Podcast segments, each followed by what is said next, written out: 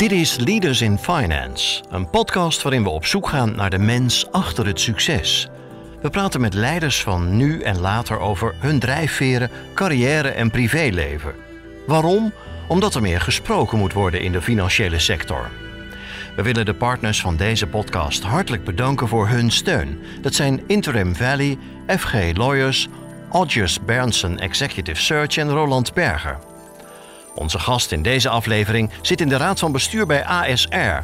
Ze werkte al vroeg, toen ze jong was, bij een bakkerij. En dat is geen gemakkelijke bijbaan. Ik stond elke zaterdagochtend om zes uur in de vriezer om gebak eh, te sorteren. En ik vond het een soort sport om al te weten, voordat de klant binnenkwam, wat hij eigenlijk kwam kopen. Ze leerde daar goed hoofdrekenen en hoe je mensen inzet. Van haar moeder kreeg ze mee hoe belangrijk het is om je eigen geld te verdienen. Ze weet alles van PC Hoofd en Joost van den Vondel en leest graag. En ze onthult een mooie karaktereigenschap in het interview. Zet mij in een groep met mensen in een vreemde stad en ik word altijd de reisleider. Ik weet niet wat dat is, maar dat zit in mij. Leiding geven, dat zat al vroeg in haar bloed. Ze was dan ook topvrouw van het jaar in 2017. Onze gast denkt dat ASR de strijd met uitdagingen in de toekomst prima aan kan. Dus ik denk dat wij onszelf opnieuw kunnen uitvinden. En dat gaat niet alleen over product, maar gaat vooral ook over dienstverlening. En dat dan juist onze schaal uh, en met name ook de executiekracht van ASR echt het verschil kunnen gaan maken. En ze is nog altijd bezig met haar eigen gebouwde Raspberry computer. Die moet geprogrammeerd worden. Wij denken dat dat haar best lukt. Onze gast in deze aflevering, Ingrid de Zwart. Je gastheer is Jeroen Broekema. Welkom bij een nieuwe aflevering van Leaders in Finance. Leuk dat je weer luistert. En voor de mensen die vaker luisteren, ik kan het zelf bijna niet geloven, maar we zitten ondertussen op meer dan 80 afleveringen waarin ik leaders in, leiders, leaders in de financiële sector heb mogen bevragen. We gaan dus richting de 100. We zijn nu al aan het bedenken wie de honderdste gast zou moeten worden. Mocht je een interessante gast voor de honderdste aflevering willen aandragen, laat het ons zeker weten. Maar over naar de orde van de dag. Vandaag spreken we met Ingrid de Zwart, lid van de Raad van Bestuur van ASR. Welkom Ingrid bij Leaders in Finance. Dankjewel. Leuk dat je de tijd neemt. Ik zal jou uh, introduceren, maar niet voordat ik jouw naam uh, traditiegetrouw gespeld heb. Dat is Ingrid, I-N-G-R-I-D en dan de, D-E en zwart S-W-A-R-T. De introductie het volgende. Je bent uh, zoals gezegd lid van de Raad van Bestuur van ASR. En voor ASR was Ingrid werkzaam bij Egon Nederland, waar zij voorzitter particulier en onderdeel van de directie was.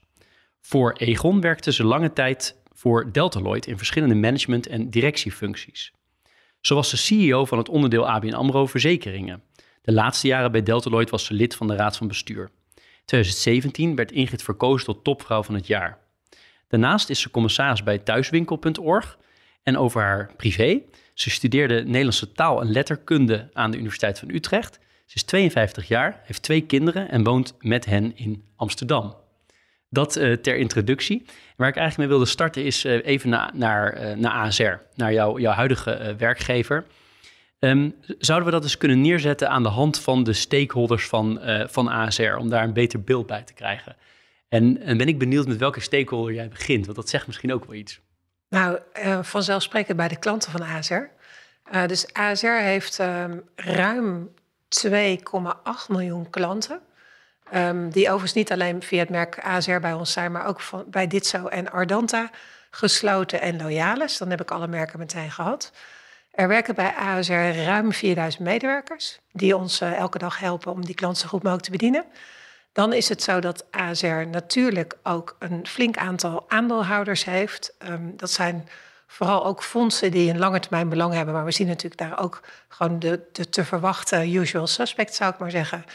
En ASR heeft al 300 jaar een belangrijke plek in de Nederlandse maatschappij. Is erg op Nederland gericht en probeert ook daar het verschil te maken. Ja, en um, als je kijkt naar de, naar de andere stakeholders, dit was al een beetje andere stakeholders, maar bijvoorbeeld naar de, naar de aandeelhouder. Wat voor soort aandeelhouder moet ik me erbij voorstellen? Kennen jullie ze goed? Sommigen kennen heel goed. Nationaal Nederland is bijvoorbeeld een aandeelhouder in ons. Um, er zijn een aantal pensioenfondsen um, en natuurlijk ook, zoals je dat zou mogen verwachten, steeds meer aandeelhouders uit de UK en de US die hun geld bij ons belegd hebben.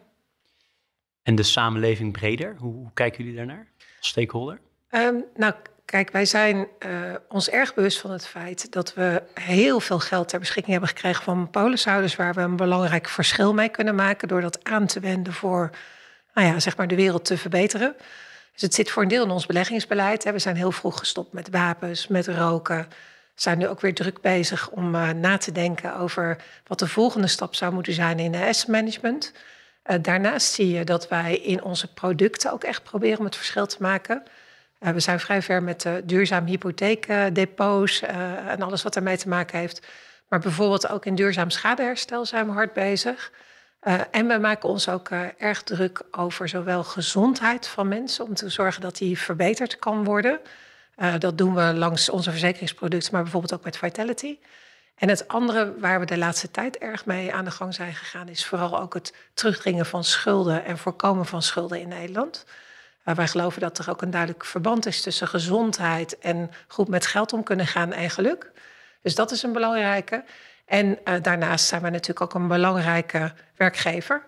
En hebben we ook een grote voorbeeldrol uh, in hoe wij met onze mensen omgaan. En uh, dat doen we best wel goed, want we scoren vaak goed als werkgever. Dat is mooi. Nou, zo, zo werken we wel op hoog tempo alle stakeholders langs. Um, of vergeten we er nog eentje belangrijk? We hebben samenleving gehad, klanten gehad, nou, eigenaren. Ja, een stakeholder die bij ons natuurlijk ook belangrijk is, is de Nederlandse Bank en de AFM. Um, die zijn toch wel heel belangrijk in uh, wet en regelgeving, alles wat daarmee te maken heeft. Maar um, ik denk dat je dan eigenlijk de allerbelangrijkste wel gehad hebt, ja. Ja, en een soort van rare stakeholder, maar omdat je ook bij, bij um, partijen als, uh, als Egon en Delta Lloyd hebt gewerkt. Hoe keek je nou aan tegen ASR toen je daar zat? Kan je dat nog herinneren? Ja, dat kan ik me zeker herinneren. Dus um, ik heb ASR voor het eerst echt zelf van dichterbij meegemaakt. Toen ik uh, CEO was van de joint venture met ABN AMRO, waar we net al even, waar jij al over sprak in de intro. Um, ABN AMRO verzekeringen was op een gegeven moment een onderwerp van discussie. Uh, misschien kunnen mensen zich dat nog herinneren, 2008 was dat. Toen Fortis en ABN AMRO samen zouden gaan uh, en voordat ze werden genationaliseerd, die periode, dus dat was in oktober 2008. En toen was er een tijdje sprake van dat uh, Delta Lloyd haar joint venture deel zou moeten verkopen aan ASR. Dat was eigenlijk mijn eerste ontmoeting met ASR. Eh, dat was toen dus best wel competitief, want ik zat aan de andere kant, wilde graag bij Delta Lloyd blijven en ASR wilde het graag overnemen. Uiteindelijk bleef het bedrijf bij Delta Lloyd, maar waren er ook heel veel relaties tussen de joint venture met de verzekeraar ASR. En met name met de Amersfoort, de grote inkomensverzekeraar. En daar kijk ik eigenlijk uh, een beetje dubbel op terug. Dus, dus ik, waar ik met trots op terugkijk, is dat wij heel erg constructief met elkaar in gesprek hebben proberen te gaan. Hoe we de verzekerden zo goed mogelijk konden bedienen. En of ze beter af waren in de joint venture bij Delta of bij ASR. En daarin was het heel duidelijk zo dat de inkomensverzekeraar van Delta het nooit won van die van ASR, de Amersfoortse. Amersfoort is echt een instituut. En bankiers waren gewoon ontzettend blij met hen. Dus uh, daarin was het duidelijk dat ASR altijd de bovenhand lag, had. Maar in die periode is er ook wel sprake geweest toen al uh, van het peilen van mijn interesse om over te komen naar ASR. En toen dacht ik dat Delta Lloyd de betere kansen voor mij in petto zou hebben om naar bestuur door te kunnen stijgen. Daar had ik gelijk in. Dat is me inderdaad gelukt. Maar waar ik geen gelijk in had, is dat uiteindelijk de kaarten van ASR veel beter en duurzamer geschud waren dan die van Deltaloid. Uh, dus, want inmiddels is Deltaloid natuurlijk opgegaan in Nationale Nederlanden. En is ASR de nummer drie geworden in Nederland met een ongelooflijk goed trekrecord. Dus ik denk dat je wel echt kan zeggen dat ASR zich na de financiële crisis ongelooflijk goed heeft ontwikkeld. Ja, ja. dat is wel interessant hoe je er naar kijkt. Want je ziet nog wel eens vaker uh, een topman of vrouw wisselen binnen de verzekeringsland. Net zoals ja. in elke sector hebt uiteraard. Maar is het dan echt heel anders, die verzekeringsbedrijven, qua cultuur? Ja, dat vind ik wel. Um, en, en laat ik vooropstellen, kijk, ik had nooit, be, ik had één al niet bedacht dat ik ooit in verzekeringen zou gaan werken. Um, maar twee, ook niet bedacht dat ik uh, zeker uh, na Delta Lloyd eigenlijk zo relatief kort bij Egon zou blijven om vervolgens over te stappen naar ASR. Maar het grootste verschil uh, zit hem eigenlijk toch wel heel erg in de cultuur en, en zeg maar de basis van waar langs een bedrijf is ingericht.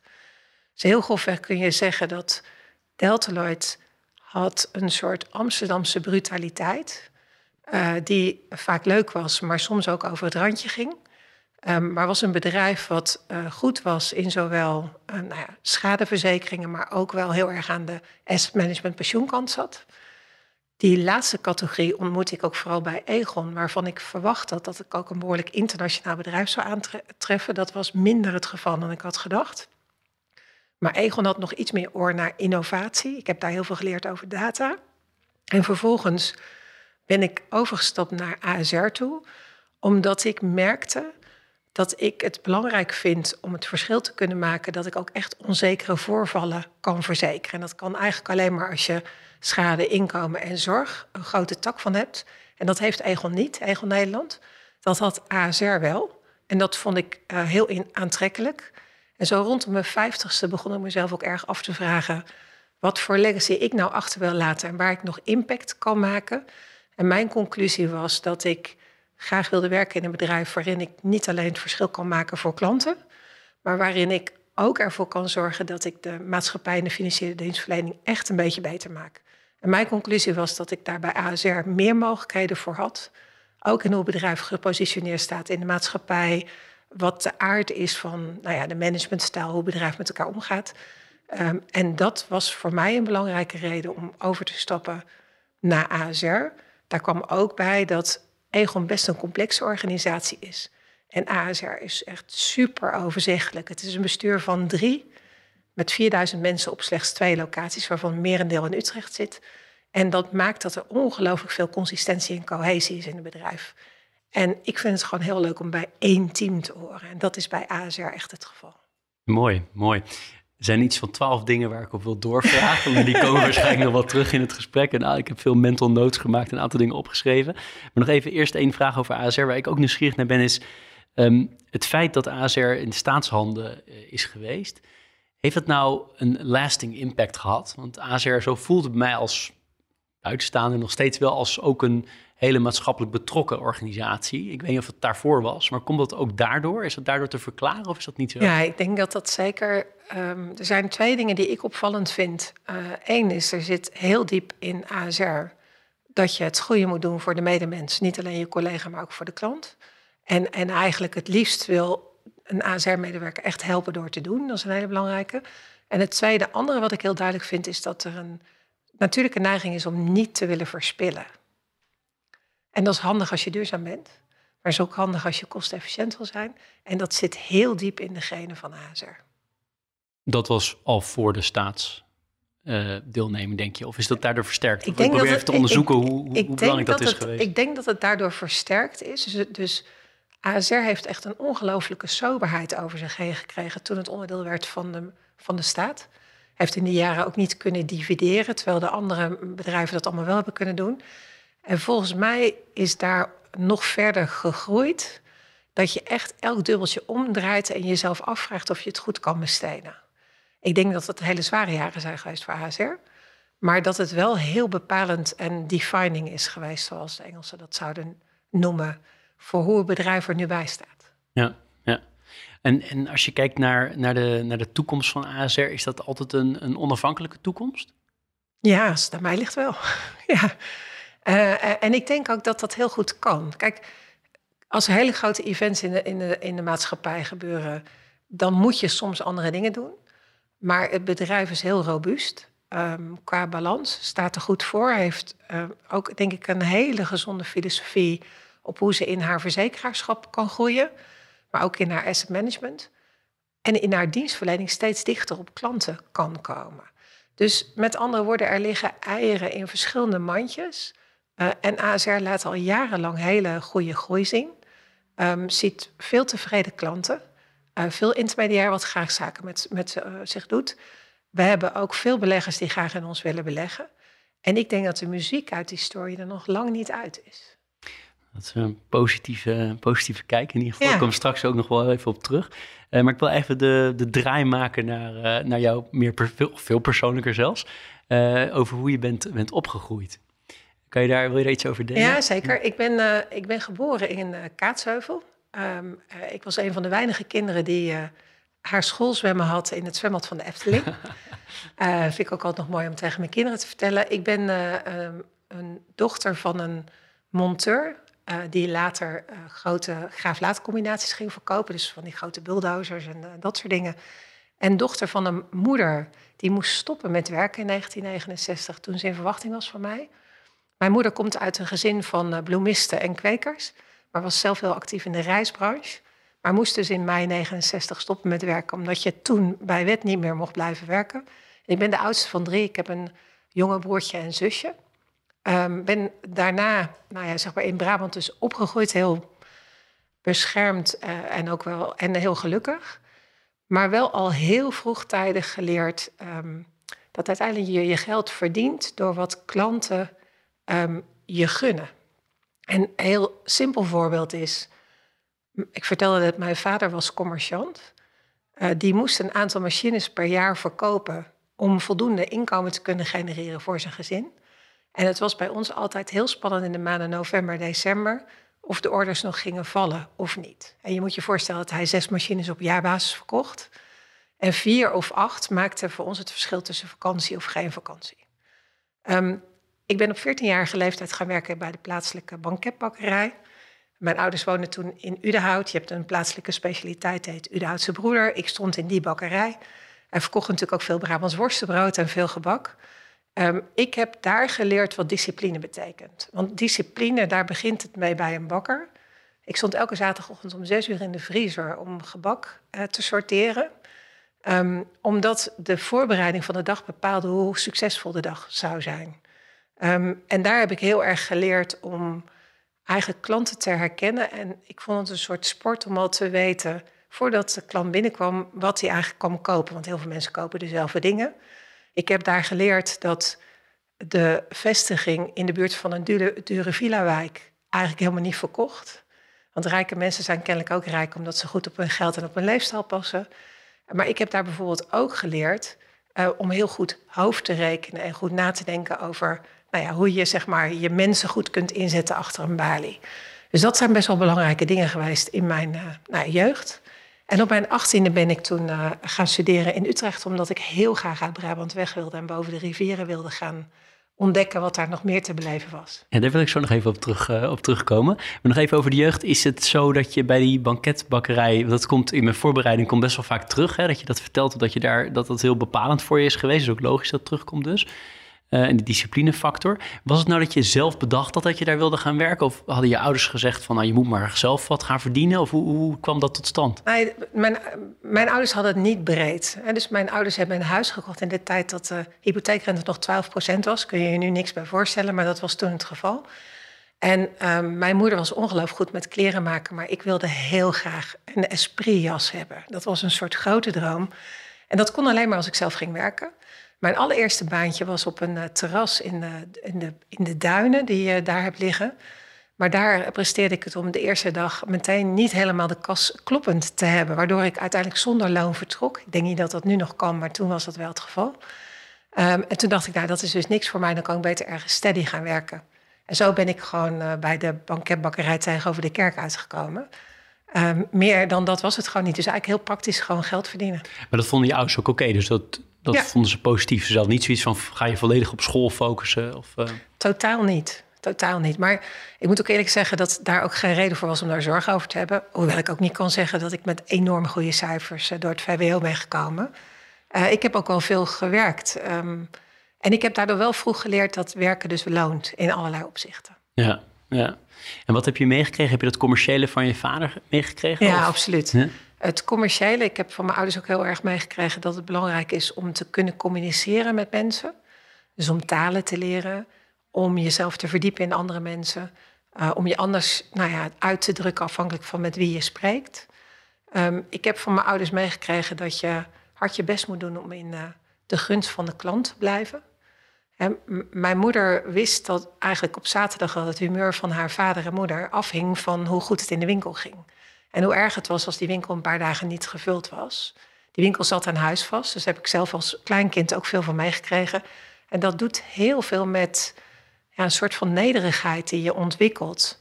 Uh, dat je begrijpt dat je die gunst moet blijven verdienen van die klant. En je noemde heel expliciet dat jouw moeder moest stoppen met werken ja. toen zij zwanger was van, van jou, van het eerste kind.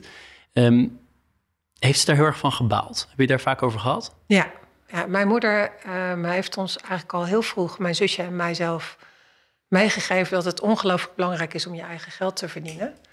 Omdat het voor haar dus geen keuze was. Ehm, en zij wilde weer gaan werken rondom de tijd dat ik twaalf was. En had best moeite om weer aan de slag te komen. Uiteindelijk heeft ze overigens jarenlang bij Otto gewerkt. Dus uh, nou ja, wat tegenwoordig weer heel digitaal is, maar toen natuurlijk ontzettend uh, telefonisch. En uh, zij knapte ook zien haar ogen op toen ze ook weer collegiaal contact had en merkte dat ze nog iets anders heel goed kon behalve moederen. Ja. En zie je dat bij de meeste vrouwen? Of zie je ook vrouwen en mannen die zeggen: Ik wil eigenlijk niet werken, ik wil puur thuis zijn? Um, ik, ja, om mij heen. Maar ja, ik weet niet of ik nou mensen om mij heen verzamel die een klein beetje op mezelf lijken. Dat zou best wel kunnen. Maar ik zie over het algemeen dat de meeste mensen het toch plezierig vinden om in meerdere dingen te excelleren dan alleen het ouderschap. Uh, en ik geloof zelf dat het ongelooflijk belangrijk is dat je eigenlijk altijd voor jezelf kan zorgen. Um, en, maar ik had ook als meisje al niks met meisjes die droomden over bruiloften met koetsen en paarden. Ik heb nooit geloofd in de prins op het witte paard. Um, omdat ik altijd dacht, ik kan er ook weer afvallen. En uiteindelijk moet ik het dan zelf regelen. Dus dat, en dat komt ook dus omdat mijn moeder mij altijd waarschuwde... dat het eigenlijk ultieme vrijheid is als je zelf je eigen geld verdient. Ja, ja ik vind het heel interessant. Want je, ik, ik spreek ook wel mannen en vrouwen die zeggen van ik wil juist, uh, voor mij is het dus heel goed om in die, in die uh, zeker de eerste tien jaar van kinderen bijvoorbeeld, om, uh, om niet te werken. En dat is altijd een hele moeilijke, moeilijk gesprek, want je weet nooit precies of dat echt zo is en of dat het beste is voor iemand. Dat is best wel lastig te bepalen. Ik, ik, ik weet het nooit. Ik, kan, ik probeer er eigenlijk geen oordeel over te hebben. want ik heb altijd het gevoel dat mensen uiteindelijk zelf het beste weten wat goed voor ze is. Maar laat ik zo zeggen dat ik het wel belangrijk vind dat ook mijn kinderen um, allebei nadenken over hoe ze zichzelf kunnen onderhouden. En ik ben ook heel open over dat het ook bij mij niet alle dagen feest is op het werk. Maar dat uiteindelijk, zoals Gerdy Verbeet ooit zei, uiteindelijk moet je elke dag maar gewoon denken, de kassa rinkelt. Dat zei zij toen ik een jaar of dertig was in een gesprek omdat zij probeerde uit te dagen dat vrouwen altijd vinden dat het zo leuk moet zijn om te werken. En zij zei: nee, het is niet alleen leuk, het is ook gewoon een bittere noodzaak. ik ken ook wel mannen die dat, dat inderdaad. Um, je zei, uh, en toen wilde ik uh, echt weg daar. daar. Ja. Dat was dan Udenhout of Kaatsheuvel, in ieder geval uh, Brabant. wilde ik naar Utrecht. Wat, wat, maakte dat je daar zo echt zo zei, ik wil nu weg? Nou, ik, um, ik was gewoon aan toe mijn vleugels uit te slaan uh, was gewoon nieuwsgierig wat er nog meer in het leven te beleven viel. En um, ik kom uit een tijd dat er in Brabant best wel afgegeven werd op de Randstad. Uh, en ik heb altijd zoiets gehad als er ergens op afgegeven werd, dat ik het dan interessant vond om het te onderzoeken. Nou, en zo ben ik, overigens omdat ik uitgeloot werd op HBO-communicatie, ben ik Nederlands gaan studeren. Eh, vanuit het idee dat mijn passie volgen wel belangrijk was vanuit het idee dat ik dan wel wat zou kunnen doen met communicatie, waar we het net even over hadden, wat een belangrijke, uh, belangrijk studie, belangrijke wetenschap is voor mij, maar die me dus ook al volgens meegegeven. Um, en dus ik ben Nederlands gaan studeren met het idee om communicatiekunde uiteindelijk te gaan doen. Dat heb ik ook gedaan. Maar ik ben ook afgestudeerd in, uh, in renaissance letterkunde. Dus ik weet ook alles over hoofd en vondel. Is buitengewoon handig als je in het bestuur zit van de ASR. Nou, ik weet niet, je kan, uh, bedoel, uh, Steve Jobs en zo, die deden ook allemaal hele andere dingen. Misschien ja. komt het toch wel terug, of niet? Je zegt het een beetje semi-cynisch, maar of heb je er echt nog wel wat aan? Nou, ik, eh, ik heb, waar ik wel wat aan heb gehad, is dat ik heel erg de logica van taal heb leren ontleden. En logica van taal is een belangrijk uh, ding in dagelijkse conversatie, want als ik goed luister, niet alleen naar wat je zegt, maar ook hoe je het zegt, kan ik een inzicht krijgen in hoe je denkt. En dat kan heel erg uh, inzichtelijk zijn in allerlei uh, aspecten. Um, wat het me nog wel steeds brengt, uh, die interesse voor Nederlands, is dat ik ontzettend graag lees. Mijn kinderen zijn nu in de middelbare schoolleeftijd en begrijpen nu eindelijk dat er in al die boekenkasten ook best wel veel boeken staan waar zij nu plezier van hebben. Dus dat is op zich wel leuk. Oh, dat is mooi. Nou, we komen later nog terug op de boeken. wat voor, hoe typeer je studententijd verder? Kost van de studie?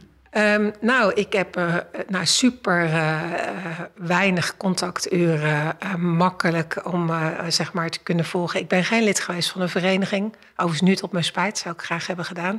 Maar dat was echt nat dan in het Nederlands waar ik toen in zat. En je moet je voorstellen dat ik, ik studeerde samen met Ronald Gippard bijvoorbeeld samen. Um, met, met Isha, een belangrijke dichter die je nu ook nog steeds wel in Utrecht ziet. Um, en daar was het eigenlijk meer populair om zo links mogelijk eh, te zijn. En zoveel mogelijk na te denken over de diepere aard van de taal. Ehm, en ik heb dus eigenlijk heel veel plezier gemaakt door mezelf te verdiepen, eindeloos in de universiteitsbibliotheek te zitten. Ook toen weer veel gewerkt. Ik was toen verhuisd naar de banketbakker in Utrecht tegenover de kerk, de Janskerk. Ehm, en ik heb uh, heel veel plezier gemaakt. En echt ook, mijn belangrijkste vrienden komen nog steeds uit die tijd.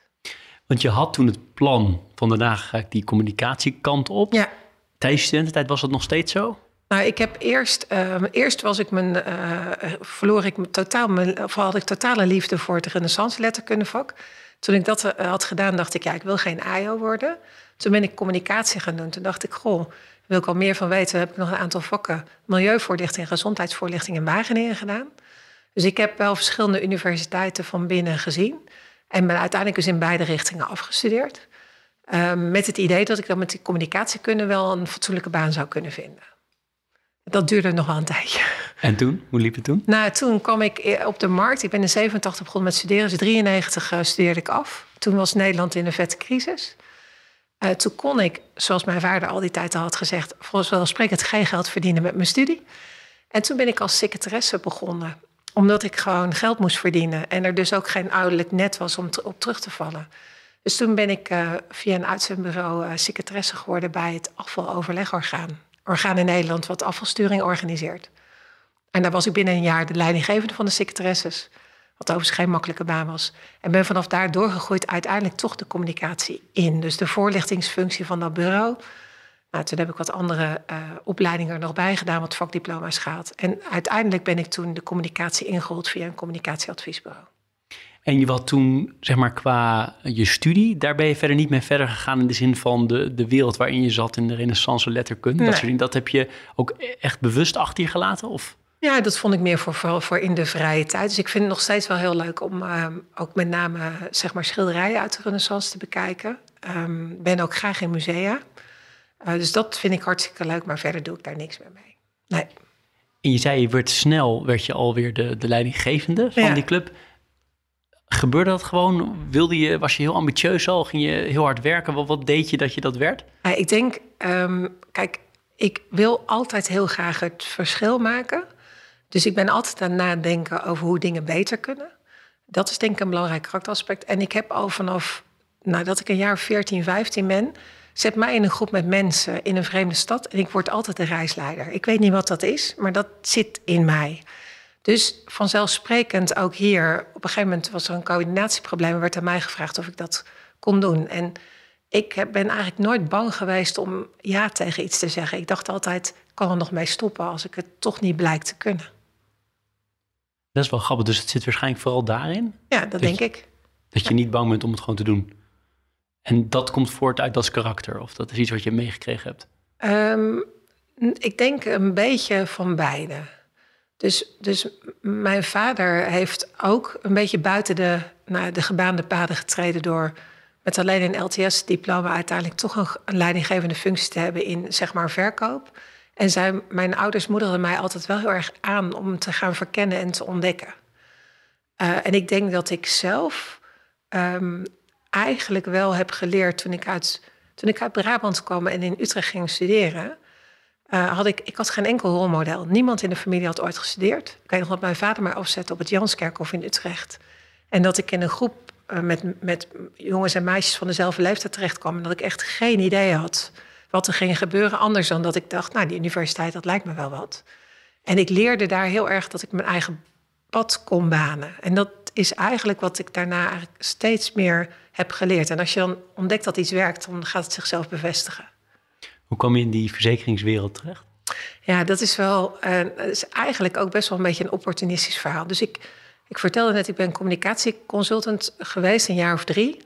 Uh, toen adviseerde ik vooral bedrijven die in de Rotterdamse haven werkten. Uh, um, en ook wel in, op Pernis en het laboratorium van Unilever. En daar adviseerde ik eigenlijk vooral leidinggevenden over hoe ze beter konden communiceren. Zowel in woord als in, als in zeg maar, uh, geschreven woord als in, in spraak. Um, en ik ontdekte eigenlijk gaandeweg dat ik dan vaak mensen aan het adviseren was hoe ze beter contact konden krijgen met hun mensen. Hoe ze die konden binden en boeien. En ergens had ik uh, op een gegeven moment het inzicht dat ik eigenlijk dacht: ik kan dat net zo goed als jij dat leiding geven. Maar ik had natuurlijk een kansloze studie gedaan om te gaan leiding geven. Traineeships en zo kan je allemaal vergeten als je Nederlands hebt gedaan. Toen had ik een gesprek met een aantal mensen om me heen hoe ik die overstap zou kunnen maken. En toen was het advies uh, eigenlijk zoek naar een sector waar voldoende geld is om jezelf te kunnen ontwikkelen. En ik had zelf inmiddels het inzicht opgedaan dat ik graag ergens wilde werken waar mensen ertoe doen. Dus in die tijd, ik spreek nu al over twintig jaar geleden, waren bij Shell en Unilever mensen vooral productiefactoren. Niet per se nou ja, mensen in interactie waar je meerwaarde uit kan halen. Dus die twee dingen bij elkaar opgeteld dacht ik, nou, zakelijke dienstverlening ligt dan voor de hand. Daar is geld, kan je dat doen. En toen was er een. En ik was me ook van bewust dat ik waarschijnlijk horizontaal moest overstappen om vervolgens door te kunnen groeien. En toen kwam er een vacature voorbij um, bij Deltaloid, wat net Nuts Ora had gekocht. En die zocht een communicatieadviseur die die bedrijven aan elkaar kon smeden, een intranet kon opzetten. Uh, en ik ben die gesprekken ingegaan met één belangrijke voorwaarde: dat als ik dat drie jaar goed had gedaan, ik daarna leidinggevend zou mogen worden. En zo is het gegaan. Wauw, het is echt best wel beredeneerd eigenlijk. Ja, ja, ja. ja. Het lukte dus ook. Ja, het lukte zeker. En wanneer kreeg je de smaak te pakken in de zin van dat je dacht van... hé, hey, ik kan echt nog wel heel wat stappen maken? Of dat je misschien zelfs dacht van ik word ergens een keer de CEO, noemde je het misschien toen nog niet... maar hoe, hoe het dan ook de directeur, de directie... Uh...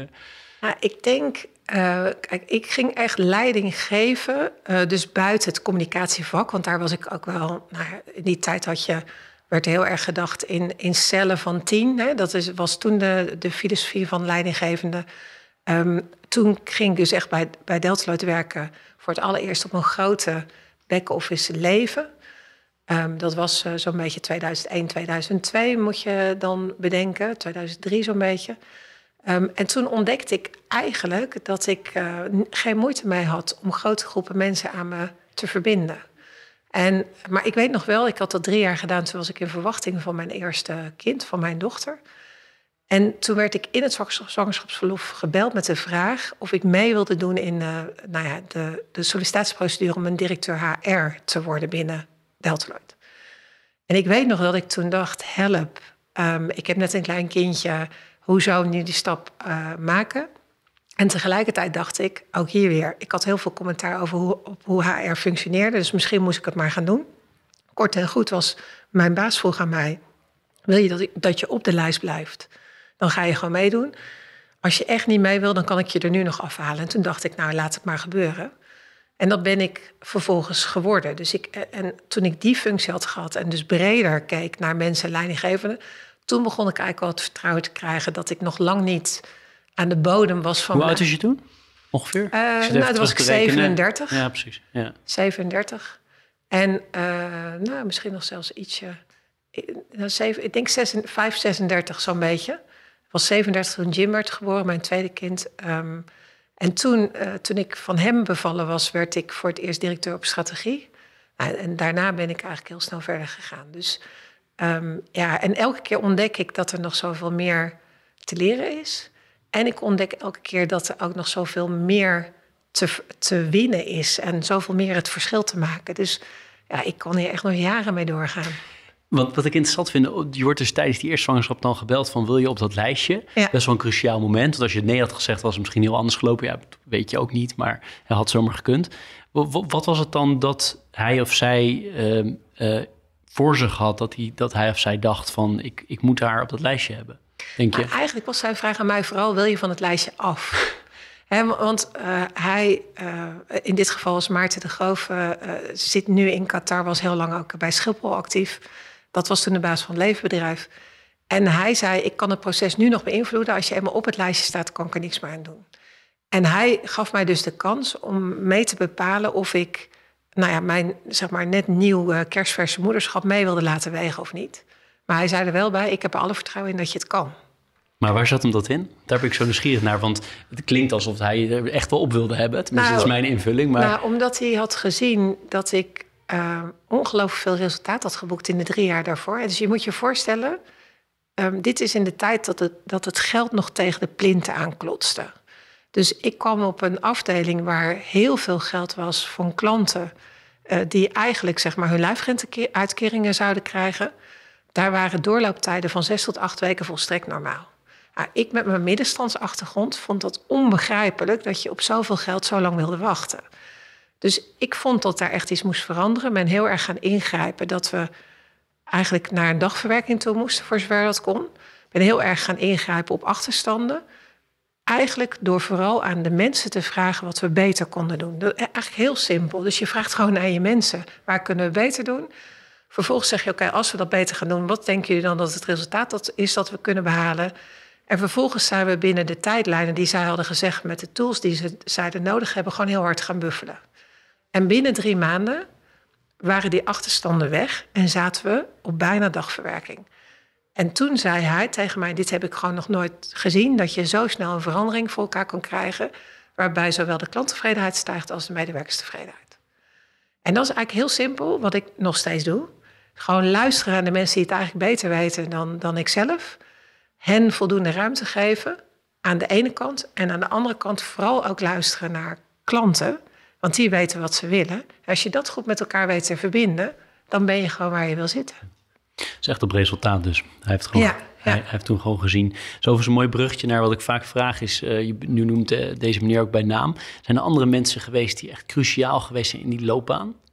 Zonder of met naam? Ja, een, een, hele belangrijke mentor voor mij nog steeds is uh, Paul Medendorp. Dat is, was het lid van de Raad van Bestuur in, bij Deltaloid. En hij was belangrijk achteraf. Um, om, om, hij heeft mij gescout op enig moment. Dus als je langer in een bedrijf rondloopt, dan heb je dat je allerlei managementtrainingen moet doen. Dan moet je soms een opdracht presenteren. En Maarten had tegen mij gezegd: zorg dat je die opdracht mee presenteert. Ik dacht dat het helemaal niet relevant was. Hij zei: het is wel belangrijk, want het is een beauty contest. En inderdaad, achteraf heel belangrijk. Want toen zag dus het lid van de Raad van Bestuur mij voor de eerste keer optreden en dacht: hé, hey, dat is een dame die we in de gaten moeten houden. En hij is vanaf dat moment gewoon begonnen met mij heel consequent in de wind te hangen. Bijvoorbeeld die joint venture CEO, dat hij was daar echt de mastermind achter, omdat hij zichzelf had voorgenomen dat hij opgevolgd wilde worden door een vrouw. En dat heeft hij, denk ik, al tien jaar daarvoor bedacht. En hij heeft heel consequent mij in ieder geval de gelegenheid gegeven om het te ontwikkelen. Ik moest het uiteindelijk wel zelf echt doen. Uh, maar dat is een heel belangrijke uh, ja, mentor geweest. Niet alleen in de kansen, maar ook nu nog. Uh, om met zijn wat bredere wijsheid, zeg maar, en wat meer jaren, toch ook bepaalde dingen in context te plaatsen. En jij was nooit bang om te denken dat je het niet zou kunnen? Nee. Dus dat scheelde weer. Ja. Want dat gebeurt natuurlijk wel vaak, hè? Ja, dat klopt. Ja, dat klopt. Nee, maar ik geloof heel erg dat mensen het meest zichzelf beperken. Um, en ik doe ook wel eens wat wat ik helemaal niet blijk te kunnen. Hè? Dus dat gebeurt ook wel eens. Um, en dan moet je nadenken over hoe je dat oplost. Maar ik geloof altijd dat je meer bereikt met die stap vooruit te zetten en eventueel een stap terug. Dan de hele tijd maar te blijven staan waar je stond, want dan kom je nooit verder. Maar is het iets wat je hebt aangeleerd? Oftewel, kan iedereen die dit luistert denken van ik ga mezelf ook op de manier die jij dan uitlegt mezelf trainen om te denken van, om eerst te denken ik kan het wel, in plaats van eerst denken ik kan het niet en later misschien mezelf te overwinnen daarin? Ja, ik, kijk, ik, ik heb uh, twee jaar aan de NLP gedaan, neurolinguistisch programmeren. Daar heb ik ook een graad in behaald. Um, en daarin heb ik wel geleerd om nog meer persoonlijke kracht in mezelf aan te boren. Dus ik geloof in principe dat iedereen eigenlijk heel veel in zich heeft om van alles te kunnen. Alleen dat er live events kunnen zijn waardoor je daar niet aan toe komt. Er kunnen ook uh, aanleggen zijn waardoor je daar niet aan toe komt. Maar er zijn best wel veel dingen die je zelf nou ja, die je beter kunt leren aanboren. En daar heb ik heel veel energie in gestoken. heb je daar een tip voor? Want ik denk dat heel veel mensen dit herkennen. Dat ze voor iets denken, nou dat weet ik niet of ik het kan. En dan misschien uiteindelijk toch maar niet doen. Op elk niveau, of nou in privé is of zakelijk. Maar heb je tips hoe mensen zich kunnen aanleren enigszins of te, voor te programmeren, om maar even dat te gebruiken? Nou, volgens mij is een belangrijke vraag om jezelf altijd te stellen: wat heb je te verliezen? En uh, zou het niet zo zijn dat je meer spijt krijgt van de dingen die je niet gedaan hebt dan van de dingen die je wel gedaan hebt? Um, een belangrijk ding wat ik mezelf altijd afvraag is wat ik, wat ik nou echt gedaan wil hebben als ik zo meteen 80 of 85 ben en ik zit voor die kachel uh, in, in een verpleeghuis of waar dan ook. Dus dat is een belangrijke. En ik geloof dat het ook belangrijk is om bij jezelf te onderzoeken wat je in de verschillende verschijningsvormen van jezelf kan. En daarmee bedoel ik als, als dochter, zus, moeder, um, nou, vriendin. Um, en, en je moet eigenlijk jezelf in de hele rijkheid proberen te onderzoeken. En vaak zie je daarin dat je eigenlijk, als je aan mensen vraagt op, waarop ze het meest trots zijn van zichzelf, is bijna altijd één op één hun sterkste eigenschap. En ik moedig mensen altijd heel erg aan om hun sterkste eigenschap verder uit te nutten, in plaats van hun mindere aanleg proberen te compenseren. Wauw. Jeetje, dit komt wel alsof het helemaal voorbereid is uit. Ik zit heel hard mee te schrijven met die tips, maar dat zijn hele goede dingen. Ja. We hebben dit gesprek ook helemaal niet voorbereid. Dus ik, nee, dit is, dit is echt waar ik van overtuigd ben. Uh, dat dat zo uh, kan en moet. En ik geloof dus ook dat het belangrijk is om heel nieuwsgierig te blijven. Dus ik ben altijd nieuwsgierig naar wat uh, klanten willen, waarom ze bij ons zijn en wat ze nog meer zouden willen. Um, en die nieuwsgierigheid ook naar medewerkers, maar ook zeker naar klanten, heeft mij tot nu toe geen windeieren gelegd. Nee, dat snap ik. Wat ik heel um, specifiek boeiend vind, is wat je noemt die verschillende verschijningsvormen. Ja. Hè? Richting je broer of je zus of, of wie dan ook, of, of een, een collega. En eerder zei je ook al van, ik ben best wel goed in staat, even mijn woorden hoor, geen letterlijke quote, maar eh, goed in staat om, ik noem maar even levelen met iemand. Dus een ander taalgebruik zei ja. geloof ik, richting iemand anders te, te bezigen.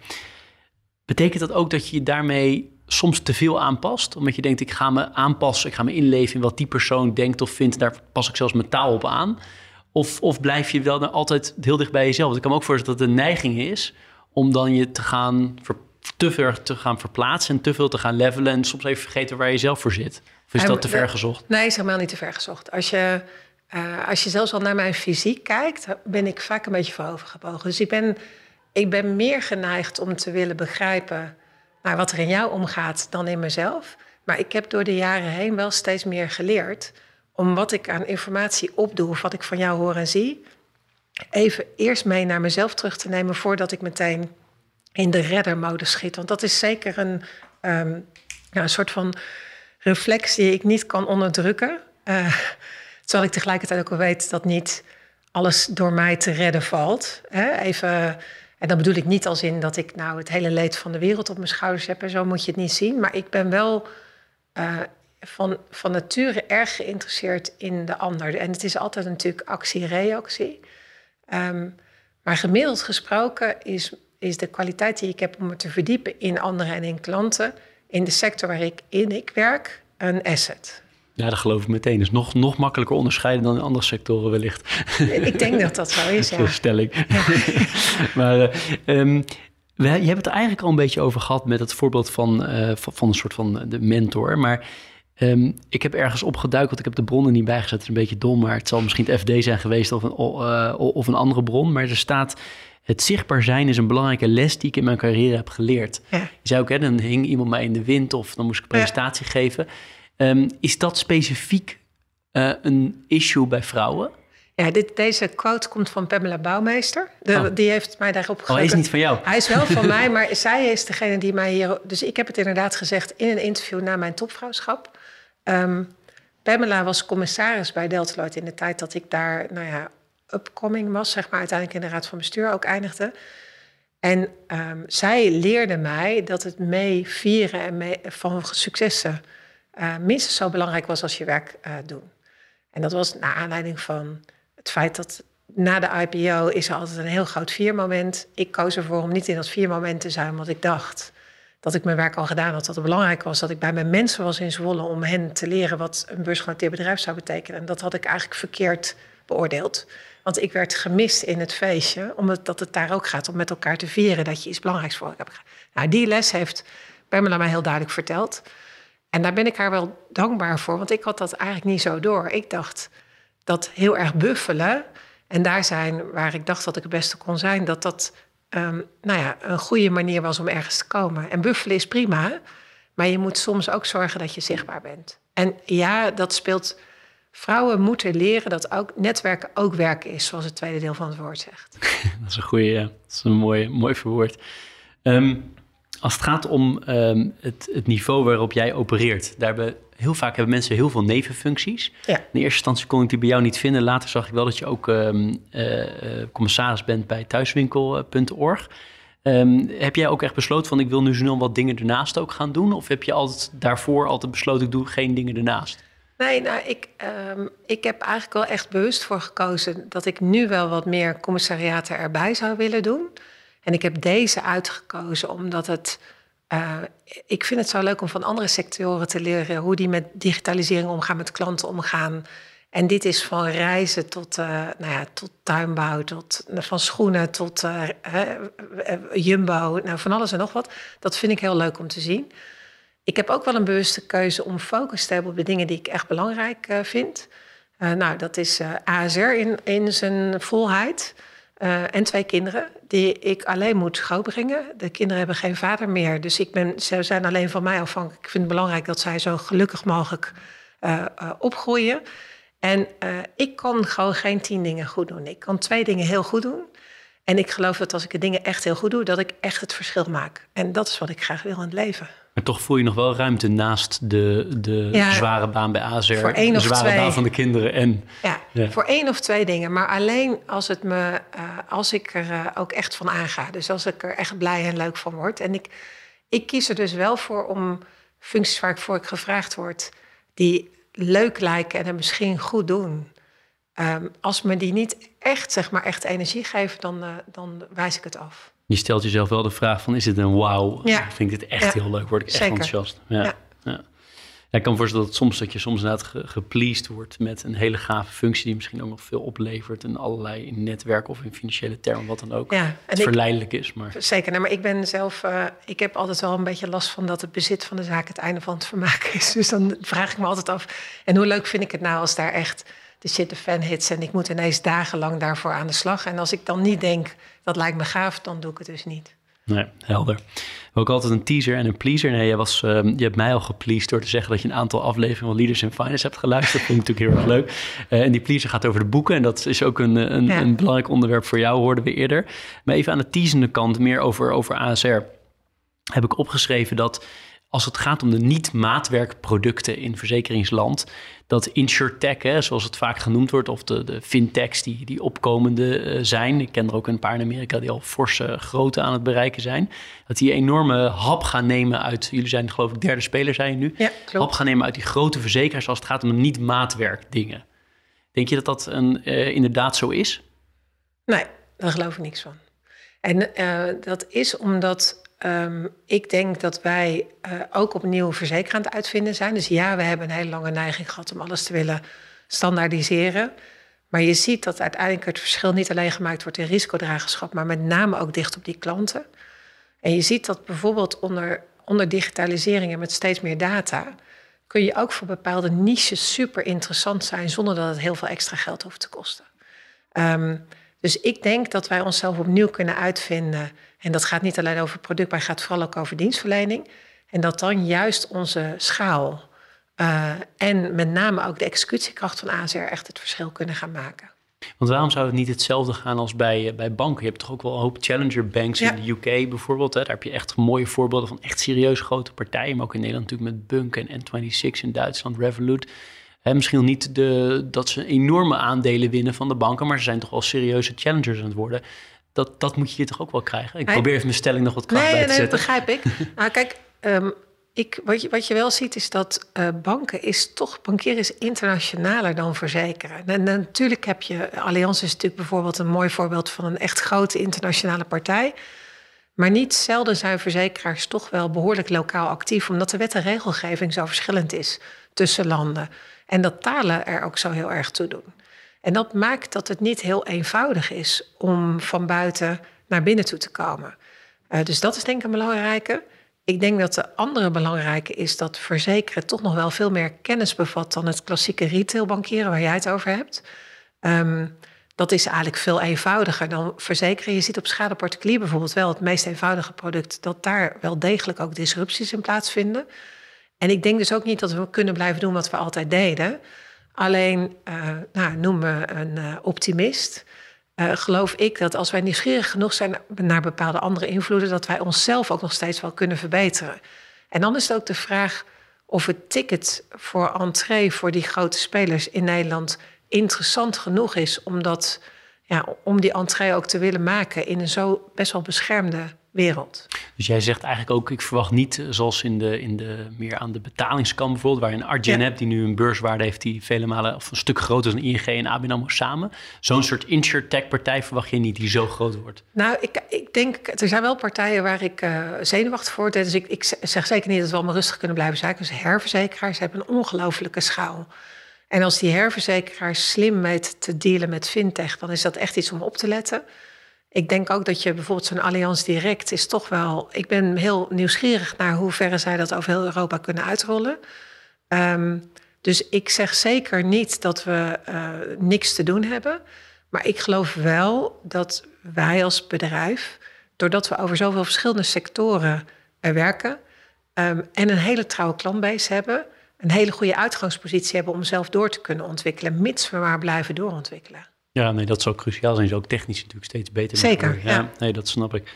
Ehm, aan de pleasende kant, nou, die heb ik al eh, gezegd. En die is ook elke keer hetzelfde.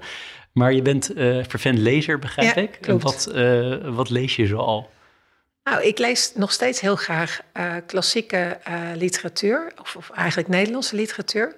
Ehm, en ik, ehm, eh, ik heb eigenlijk één heel groot nou, nadeel in de zin dat ik best ook wel veel vergeet wat ik niet per se hoef te onthouden.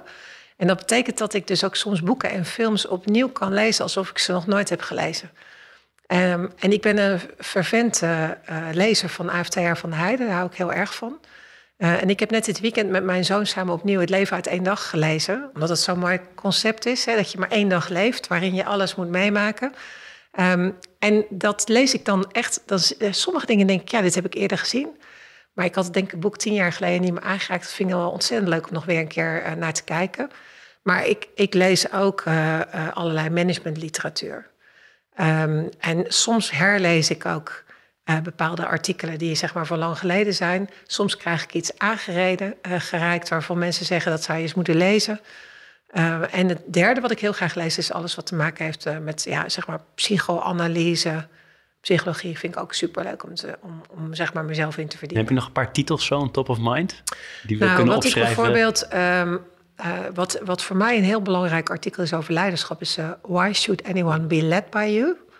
Artikel uh, wat uit de jaren nou, 2000 zeg maar komt. Dat vind ik heel mooi. Um, er is een heel mooi boek dat gaat over surrender, life to perfection. Um, schrijvers moet ik even, moet ik je schuldig Zoeken blijven. Wij maar dat is ook een prachtig boek om te lezen. wat ik zelf ook mooie boeken vind, is alles wat van Schwab is of van Scherder. Hè? Meer aan die psychoanalyse kant.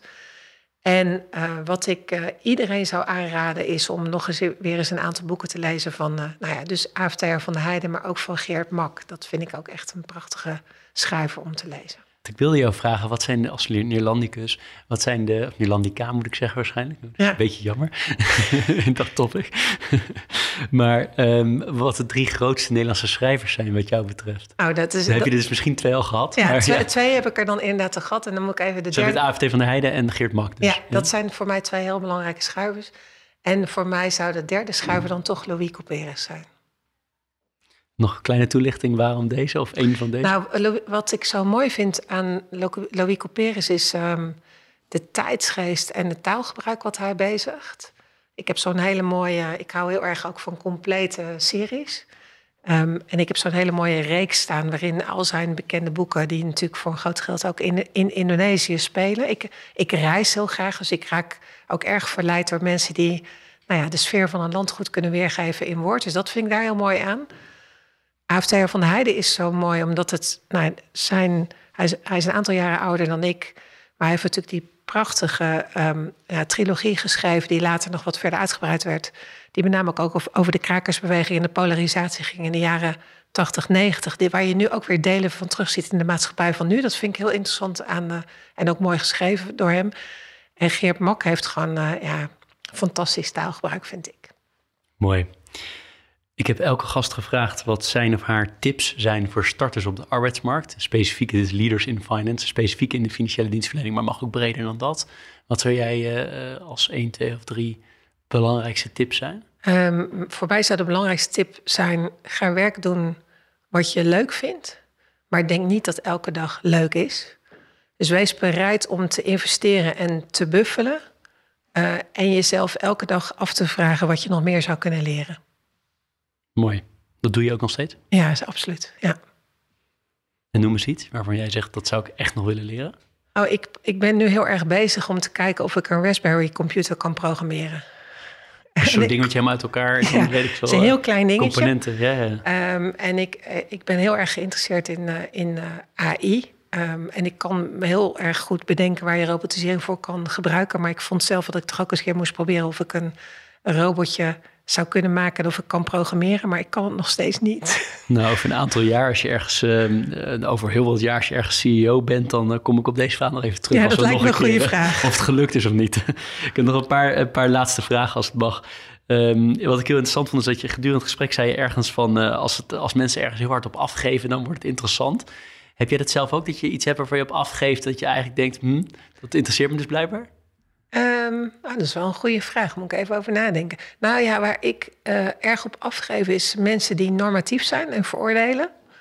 En dat zou ik eigenlijk denk ik wel eens wat meer mogen onderzoeken, waarom me dat nou zo stoort.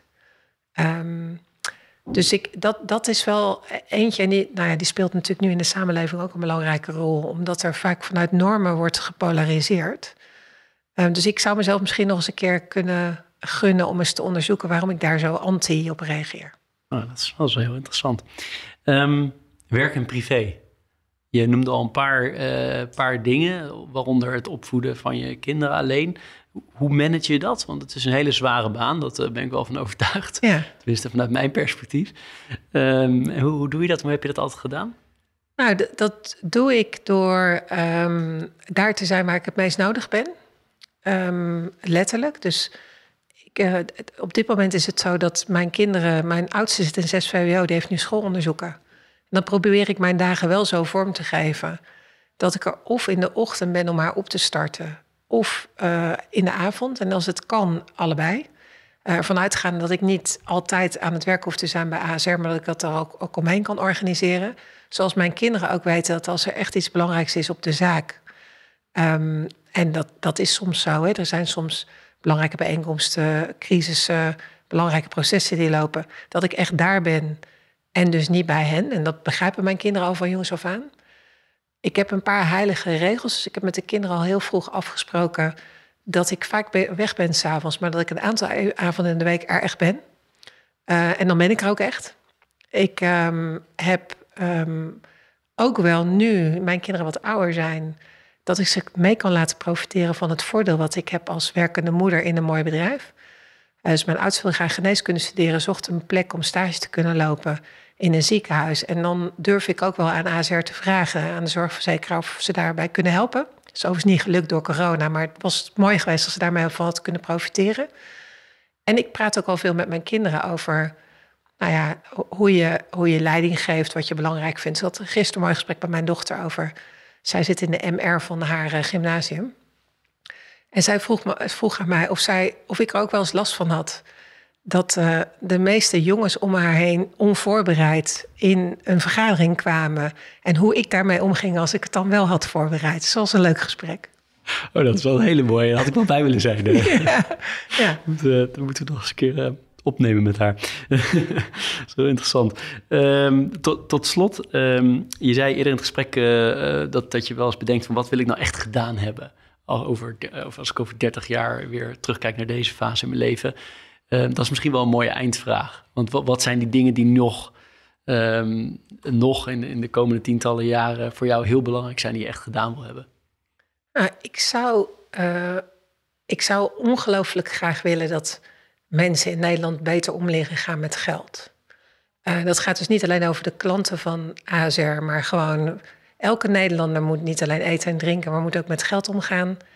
Eén op de vijf huishoudens in Nederland heeft schulden.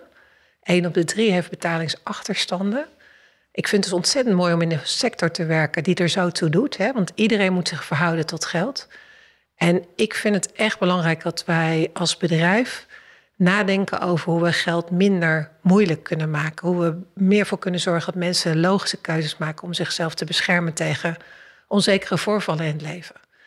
En ik zou echt heel uh, trots op mezelf zijn als het over 15 jaar gelukt is, hè, want dan ben ik ongeveer 67. om minder huishoudens in de schulden te hebben en mensen beter om te leren gaan met geld. Dat zou ik echt uh, heel fijn vinden. Mooi, prachtig. Er zijn nog heel veel dingen die ik ook nog had kunnen vragen, maar we moeten, ook niet, uh, we moeten ook weer niet een podcast van vijf uur van maken. Um, maar wie weet, wat ik zelf al probeerde te suggereren over een aantal jaar. Als jij, uh, ik denk je dan ergens CEO bent over vijf of tien jaar uh, opnieuw. Ehm, maar is er iets waarvan jij zegt, Jeroen, dat moeten we wel echt hier in dit gesprek even behandeld hebben nog? Nou, ik denk dat we eigenlijk alles wel geraakt hebben. Ik vond het heel leuk om zo met je te praten over uh, alles wat, wat er zo voorbij komt in het leven. En ik kom graag nog een keertje terug. Of ik nou CEO word of niet, dat doet niet toe. Ik vind het leuk om nog een keer terug te komen. Hartstikke leuk. Nou, ik vond het ook een ontzettend leuk gesprek. En heel erg bedankt dat ik zo alles op je mocht afvuren. Want dat is een veel makkelijkere rol dan, dan, dan jouw rol. Dus heel veel dank daarvoor. Met dank aan, ik wijs er nu naar, kun je niet zien, maar met dank aan Bocca Koffie, een B Corp gecertificeerd bedrijf uh, een klein bedankje in de koffiehoek uh, voor jou en voor al je tijd die hierin hebt uh, gestoken. Dankjewel. Jij ook bedankt.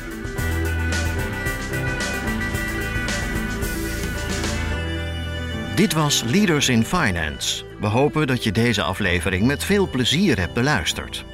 We stellen je feedback erg op prijs. Wat houdt je bezig en over wie wil je meer horen? Laat het weten via een Apple of Google review. Dat kan ook via de sociale media kanalen of direct via een e-mail. We kunnen het enorm waarderen als je dat doet. Tot slot danken we onze partners voor hun steun. Dat zijn Interim Valley, FG Lawyers, Odgers Berndsen Executive Search en Roland Berger.